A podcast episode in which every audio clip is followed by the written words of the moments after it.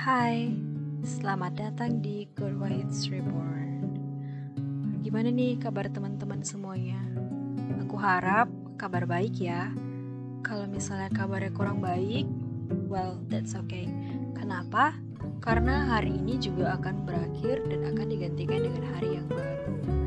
Jadi, semoga di hari yang baru, teman-teman semua bisa mendapatkan hari yang lebih baik lagi, oke? Okay? Sekarang aku mau bahas tentang menghargai waktu. Menurut teman-teman, waktu itu definisinya bagaimana? Apakah waktu itu hanya sebatas siang dan malam atau hanya sebatas angka dari jam 12 malam ke jam 12 malamnya lagi?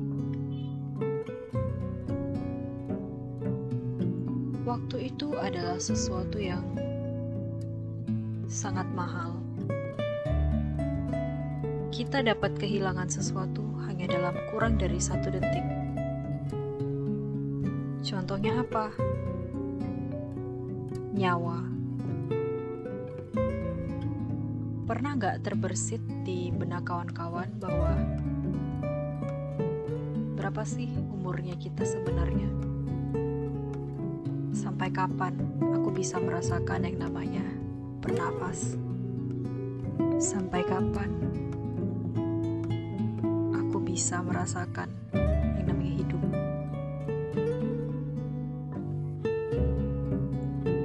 Gak ada yang tahu, ada. Lalu, menghargai waktu itu sendiri juga hal yang sulit.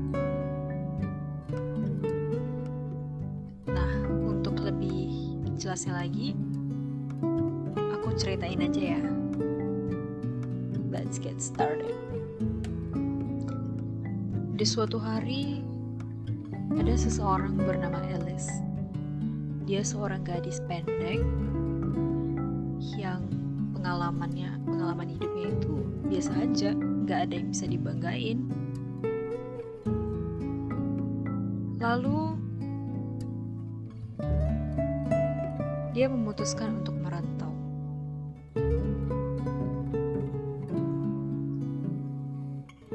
Alice memutuskan untuk merantau. Sampainya dia di kota rantauannya, dia memulai aktivitas barunya. Dia mulai bersekolah, lalu dia melanjutkan ke jenjang perkuliahan.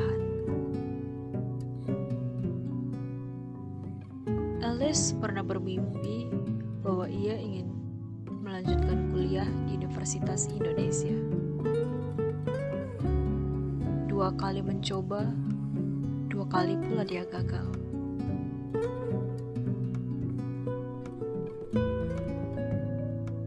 Selain itu, dia juga mencoba peruntungan lain, seperti mendaftar di STAN dan sekolah-sekolah dinas lain.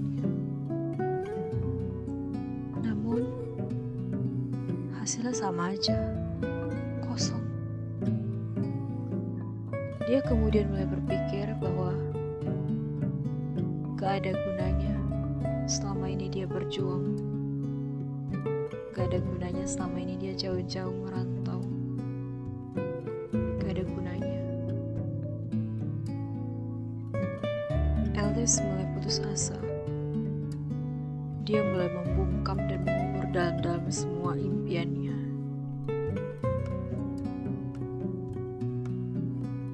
Tidak tahu lagi harus berbuat apa. Hari demi hari, mentalnya mulai terganggu. Stres membuat tubuhnya kehilangan banyak banyak-banyak sekali lemak berat badannya turun drastis. Matanya sayu, wajahnya pucat, tidak terawat.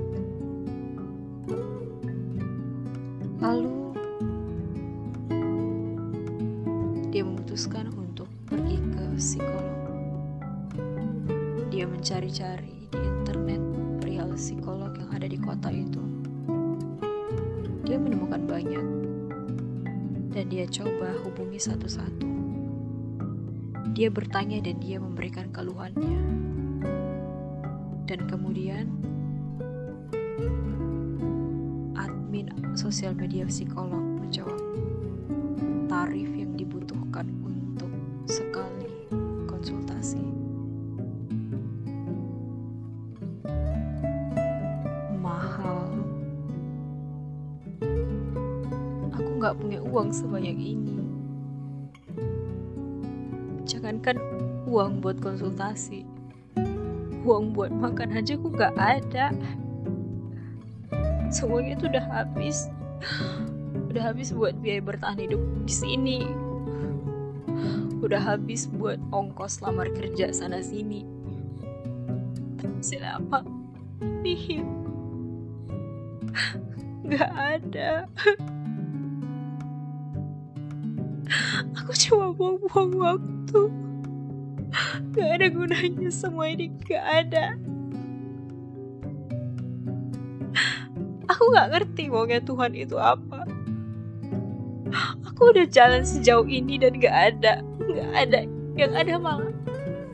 Aku cuma berakhir dalam genangan kegagalan. Bahkan untuk mengobati mentalku aja aku nggak bisa aku nggak punya sebesar pun buat konsultasi ke psikolog. Nggak bisa.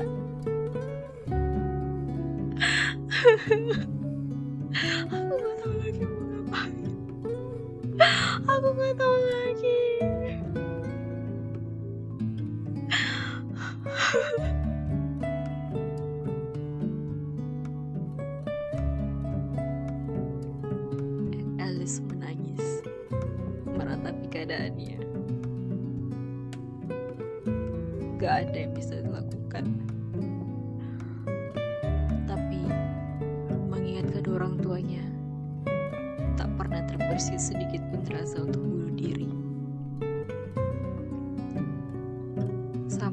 hari, sebelum dia tidur, dia berpikir,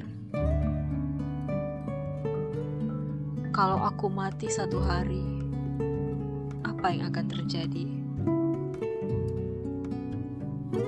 Hanya itu kata-kata yang diucapkan dia sebelum dia tidur. Lalu dia tidur dan mendapati dirinya bergerak esok paginya. Dia melihat dirinya yang sedang terbaring di atas kasur di kamar kosnya. Dia menyentuh wajahnya sendiri. Jangan bilang ini rohku. Jangan bilang aku keluar dari badanku.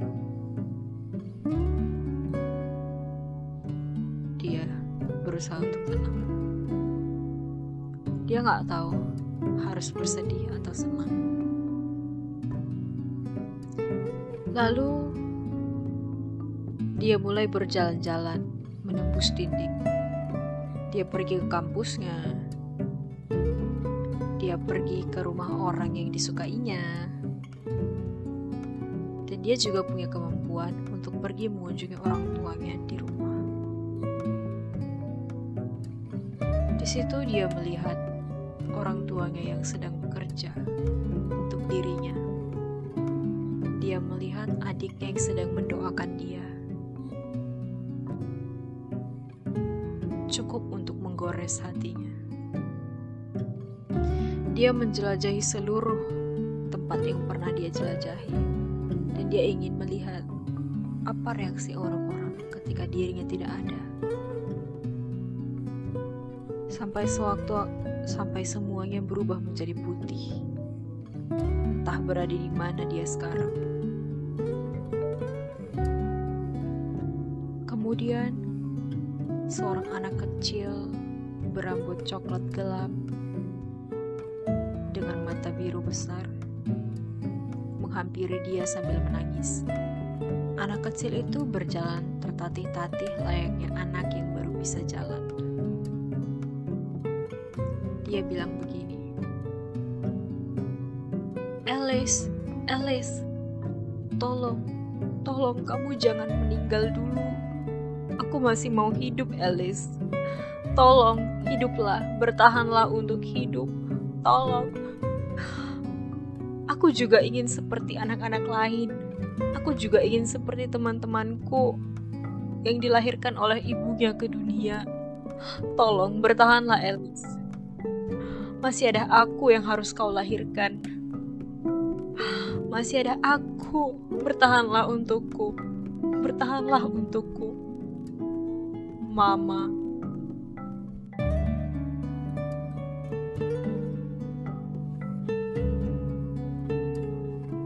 Alice terdiam.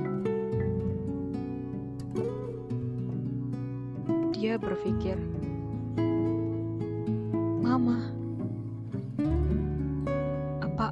kecil di depanku ini adalah anakku di masa depan?"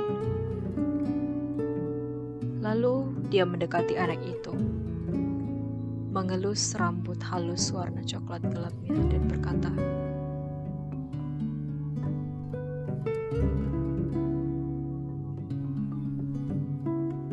Kamu panggil aku siapa?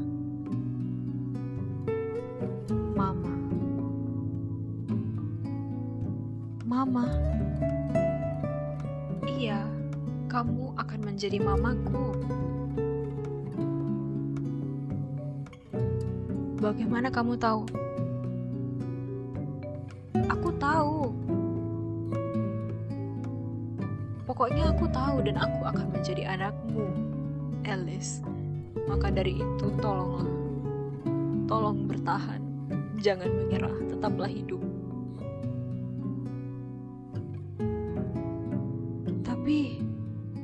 Tidak mirip sama sekali denganku. Mataku warna coklat dan matamu biru.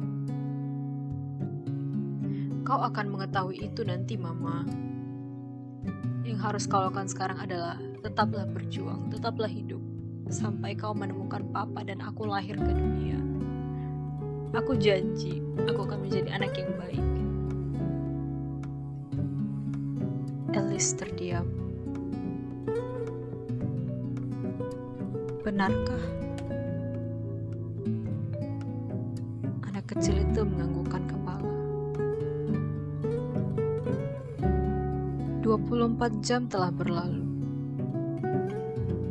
keesokan harinya, Alice terbangun dari tidurnya. Dia memegangi wajahnya. Apa aku mati dalam satu hari? Apa ini hanya mimpi? Tidak, itu bukan mimpi. Karena dia bisa mengingat semuanya dengan jelas. Itu bukan mimpi itu hanya benaran terjadi. Itu semua adalah cara yang Tuhan berikan kepada kita agar kita menyadari sesuatu. Sejak hari itu, Alice mulai bangkit. Dia mulai mengubah semuanya, sudut pandangnya, kreativitasnya meskipun masih banyak hal-hal yang harus diperbaiki, meskipun masih banyak jatuh bangun, tapi dia tetap melakukannya. Dia ingat sekali wajah anak perempuan yang rambutnya dielus olehnya. Anak itu cantik sekali. Aku tidak sabar ingin Alice terus berjuang sampai akhirnya dia menjadi seseorang yang tidak pernah terpikirkan olehnya dia menghargai setiap detik, setiap waktu yang diberikan Tuhan untuknya di dunia ini. Dia tidak ingin lagi menjadi seorang Alice yang konon pecundang seperti dulu. Dia berjuang sampai akhirnya Tuhan mempertemukan dia dengan seseorang. Seseorang yang tidak pernah terpikirkan oleh dia dalam hidupnya. Laki-laki itu bernama Billy.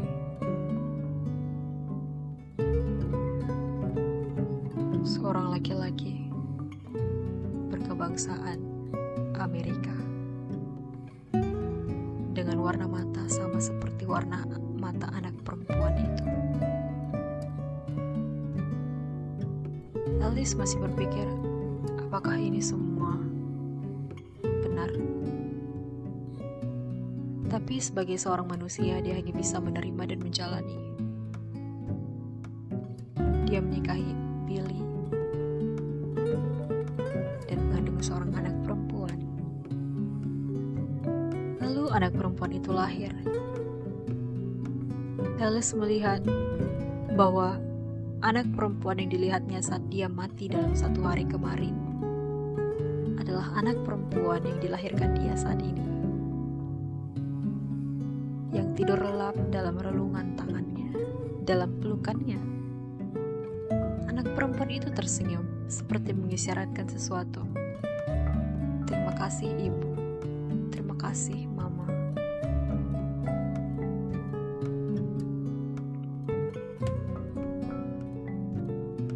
Terima kasih telah berjuang dan melahirkan aku ke dunia.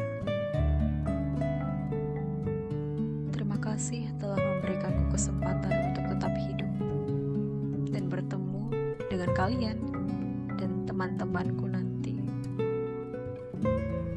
Terima kasih, Mama. Aku sayang kamu.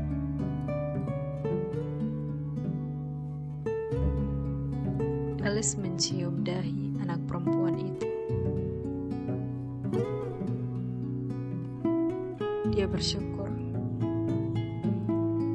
Berjuang sampai saat itu. Dia bersyukur telah ditunjukkan sesuatu yang membuat dia kira bisa bangkit dan menghargai setiap waktu yang diberikan oleh Tuhan dalam hidup ini. Dia bersyukur telah mempergunakan waktu itu sebaik mungkin untuk menjadikan dirinya menjadi seseorang yang baru dan mendapatkan apa yang seharusnya didapatkannya.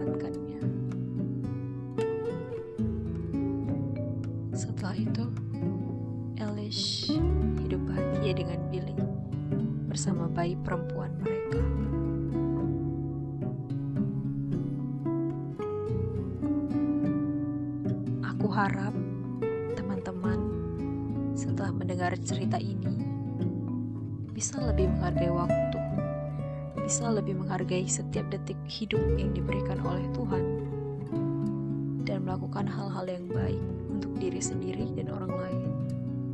Ingat teman, jangan pernah menunda. Jangan pernah pikir bahwa ah masih ada hari esok. Ah kerjanya besok aja. Itu adalah hal yang bisa membunuh akal sehat. Jangan. Lakukan selagi bisa dilakukan. Dan jangan pernah menyerah. Karena menyerah tidak ada dalam kamu seorang pejuang. Jadilah seorang pejuang yang tangguh meskipun badai petir menghadang sekalipun. Karena apa? Karena kita diciptakan berbeda dan istimewa. Dan kita punya Tuhan yang akan selalu berada di sisi kita. Selalu berada di kehidupan kita dan mendukung kita. Oke. Okay? Sekian podcast dan cerita pendek dari aku, Elsa. Aku harap teman-teman semua bisa menikmatinya dengan baik. Dan selamat malam, selamat tidur jika teman-teman mendengarkannya saat malam. Dan selamat pagi, selamat beraktivitas jika teman-teman mendengarkannya saat pagi hari. Terima kasih sudah mengunjungi podcast ini dan bye.